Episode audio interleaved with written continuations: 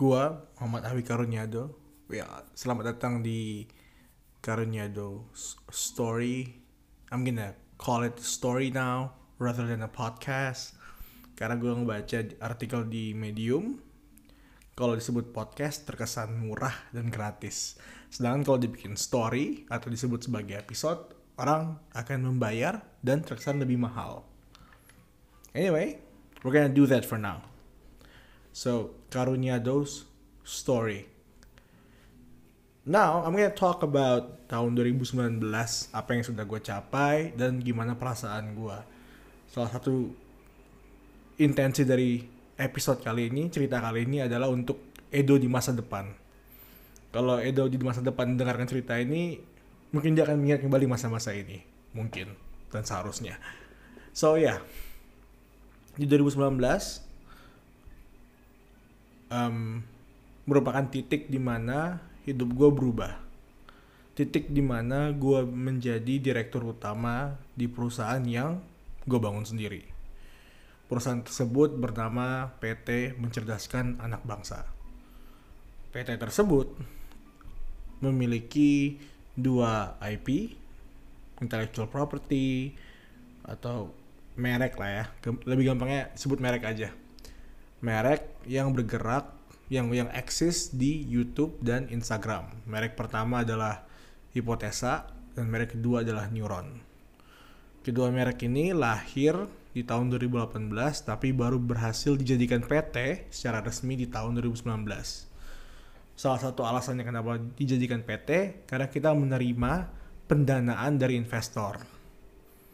Dari te tepatnya dari beberapa investor dan kita menggunakan dana yang diterima untuk menggaji karyawan, untuk meng, meng, mengiklankan apa konten yang sudah kita bikin dan meningkatkan kualitas konten kita dengan cara berinvestasi ke tim.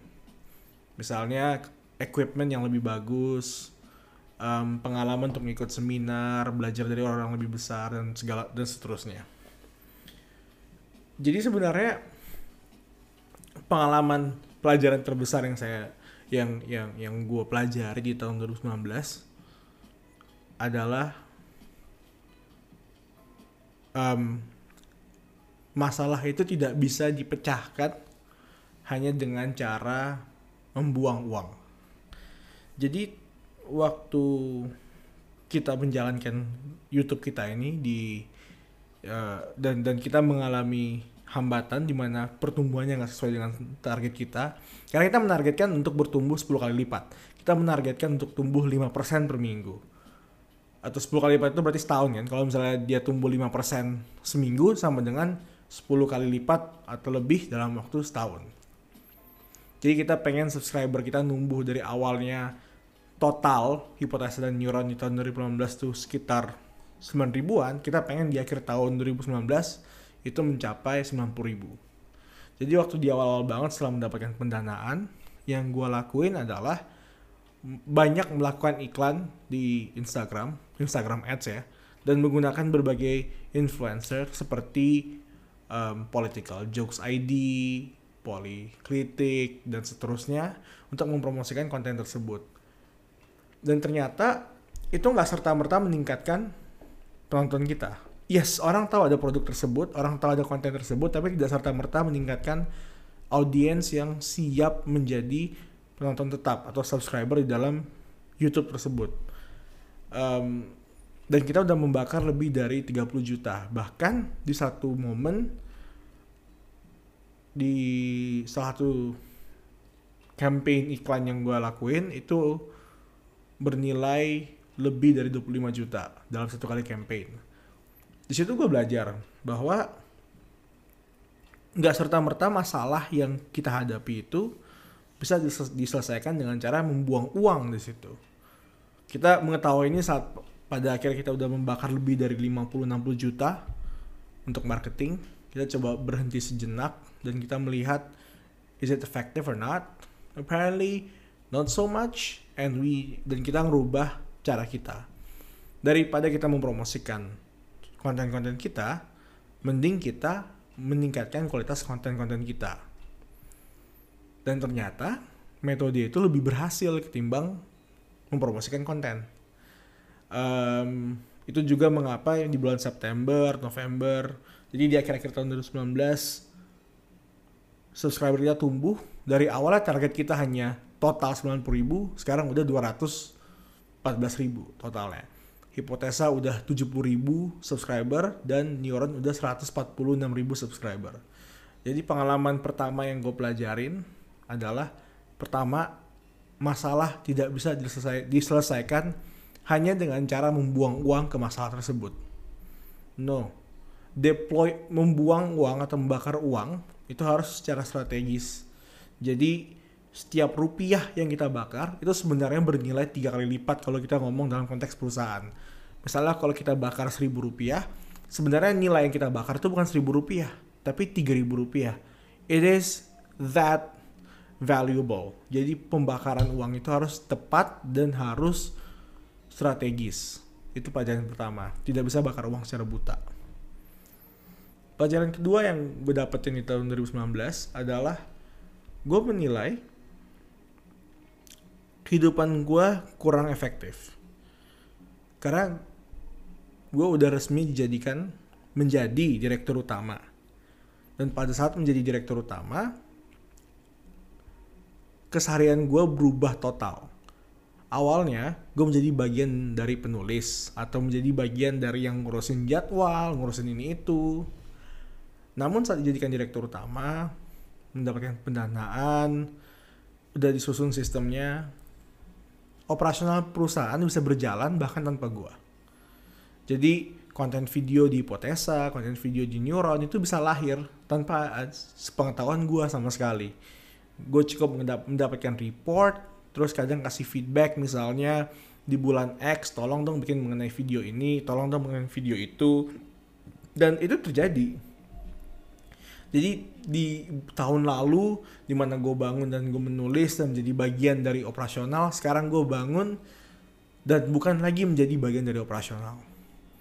Jadi apa yang gue lakukan di hari-hari itu, di hari-hari tahun 2019 ini adalah gue bangun, bikin strategi, mendokumentasi apa yang sudah kita lakukan bersama, dan melihat efektivitas apa yang sudah kita lakukan, seberapa jauh kita mencapai target, apa yang bikin kita terlambat, apa masalah yang harus kita selesaikan. Jadi keseharian gue itu kalau misalnya dilihat dari mata telanjang, itu hanya duduk, pindah-pindah tempat, dan berpikir. Cuma itu. Dan ini cukup bermasalah ya, karena uh, gua jadi ada perasaan di mana dan ada pemikiran di mana gua tidak bekerja karena pekerjaan gue tidak bisa dinilai secara konvensional di mana pekerjaan harus ada misalnya hasil PDF atau Word atau ada Excel atau ada yang di checklist checklistkan atau misalnya harus kerja 8 jam segala macam. Enggak. Pekerjaan gue berubah menjadi gue harus memikirkan kehidupan perusahaan 24 jam. 7 hari seminggu di mana setiap keputusan harus gue telah dengan baik dan setiap keputusan harus dikaji ke depannya bagaimana skenario nya bagaimana. Dan itu di mata telanjang kembali di awal tadi seperti tidak ngapa-ngapain karena cuma bikin kopi minum atau misalnya ke cafe atau misalnya ketemu dengan quote in quote possibly client uh, komunitas ketemu dengan investor ketemu dengan calon investor dan ketemu dan networking. Jadi kita ada ada ada, ada lelucon kayak pekerjaan Edo itu jalan, mak, minum kopi dan makan steak terus pulang. Which is kind of true di mata telanjang, tapi sebenarnya pekerjaan yang paling berat adalah strategi kita mau ke mana berikutnya. Dan ini cukup masalah karena tadi pada saat apa yang gue lakukan tidak bisa diukur secara tradisional, terkadang gue menjalani hari gue dengan rasa bersalah. Apakah yang gue lakukan efektif? Atau apakah yang gue lakukan itu tepat atau benar? Dan di sini gue sadar ternyata um, se seberapa pun di saat ini ya untuk umur gue mungkin karena umur atau atau karena kondisi gue Tapi di saat ini, saat gue mencoba untuk menjalankan kehidupan gue sendiri dan menjalankan ke, dan mengambil keputusan terhadap bagaimana perusahaan ini bergerak dan ke arah mana perusahaan ini harus bergerak, gue membutuhkan orang yang menyatakan atau berkata itu benar itu salah. Karena gue nggak tahu dan gue tidak yakin keputusan gue itu benar atau salah. Karena setiap mengambil keputusan selalu ada pemikiran, am I saving the company or am I killing the company slowly? and I will not know there is uh, gue nggak tahu itu mana yang yang itu akan menjadi apa itu akan mengarah ke mana sampai di suatu hari nanti hasil itu kelihatan. Karena kan pada saat menjalankan sebuah perusahaan perusahaan bertumbuh secara pengguna tidak serta merta itu adalah hal yang baik. Perusahaan bertumbuh secara revenue bukan berarti juga itu hal yang baik.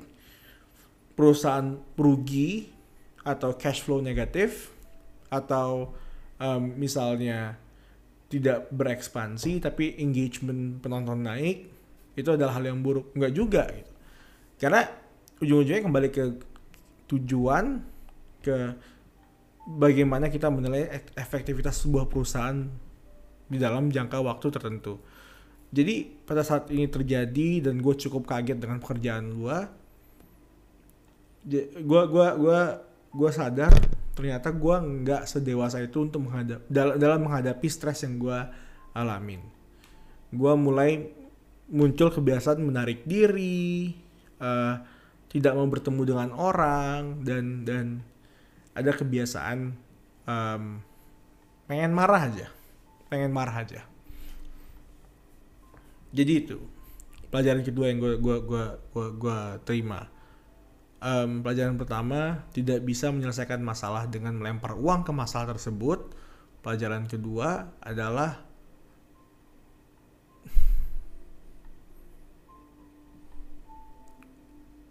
pelajaran kedua adalah kadang uh, gue cukup kaget dengan transisi pekerjaan gue yang dari operasional menjadi non operasional dan gue menyadari ternyata coping mechanism gue atau bagaimana gue menghadapi stres itu tidak ideal. Jadi gue mengetahui elemen atau sisi buruk dalam diri gue sendiri. Ini bagi gue 2019 ini adalah hal yang yang yang cukup ngebuka mata bukan cukup lagi sih sebenarnya sangat ngebuka mata gue. Salah satu elemen salah satu dari peng, yang mempengaruhi 2019 juga ulang tahun gue yang ke-23 Pertama, ini gue udah berusia 23.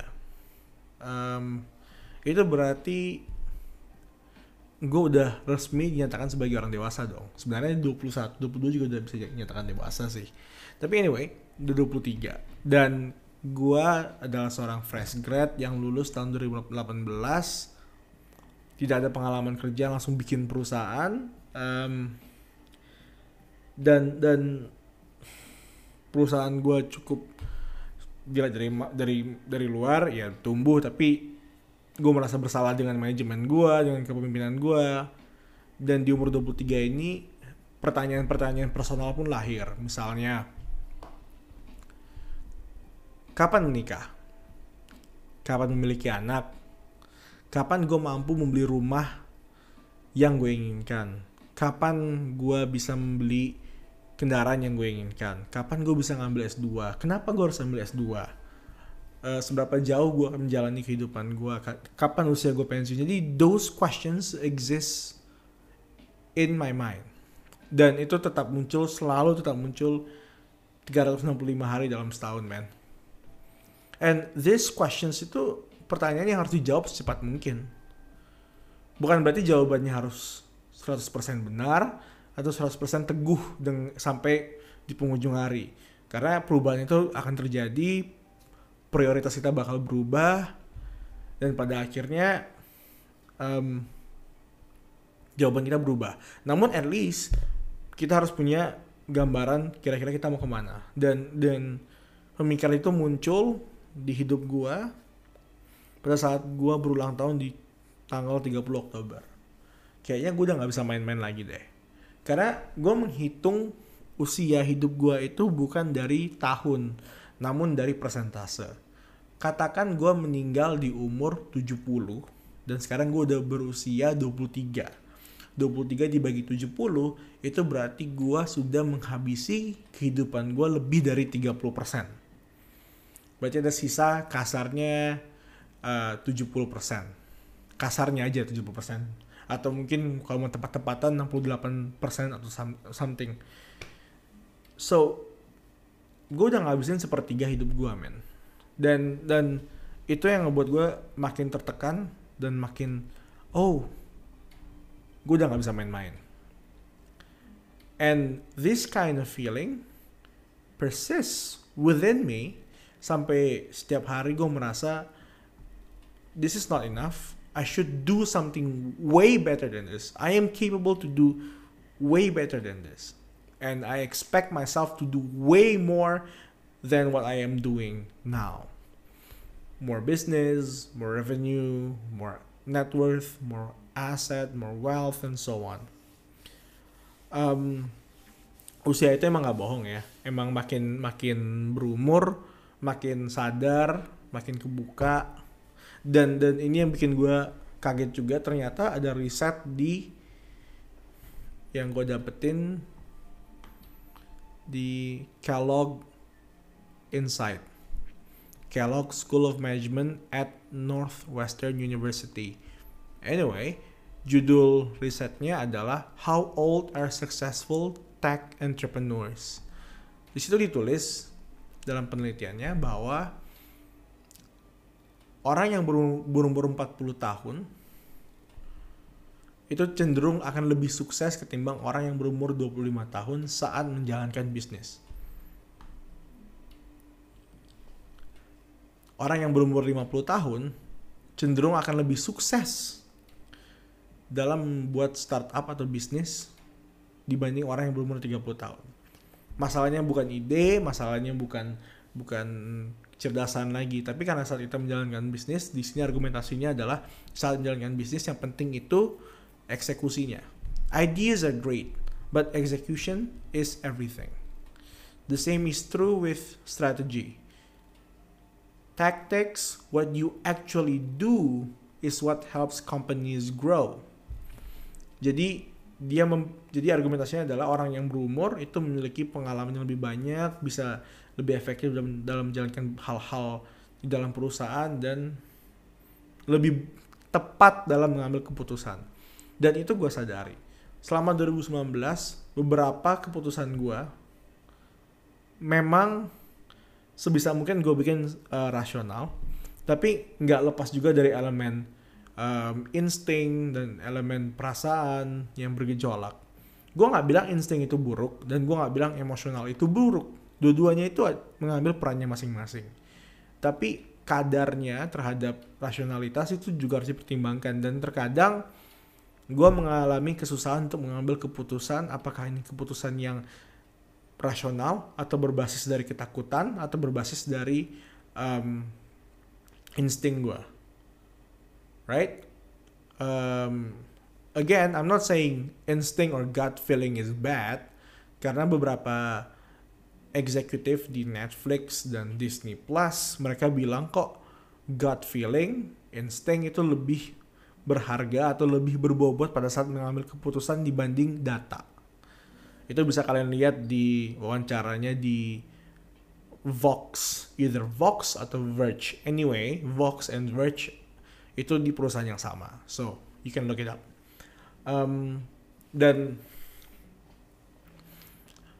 I'm not saying that this will be will be my leeway kayak kalau misal perusahaan gue gagal ya nggak apa-apa dong gue masih muda nggak nggak gue nggak bilang kayak gitu dan gue nggak mengimply makna seperti itu I'm just saying that it is true pada saat gue menjalankan perusahaan ini I learn quite a lot. Gue nggak pertama gue nggak tahu um, mekanisme PT, kewajiban dan hak direktur. Gue nggak tahu juga mengenai pasal-pasal atau peraturan yang menyangkut karyawan, penggajian, sistem pelaporan pajak, sistem pendapatan, penulisan laporan keuangan dan segala macam. Gue nggak tahu.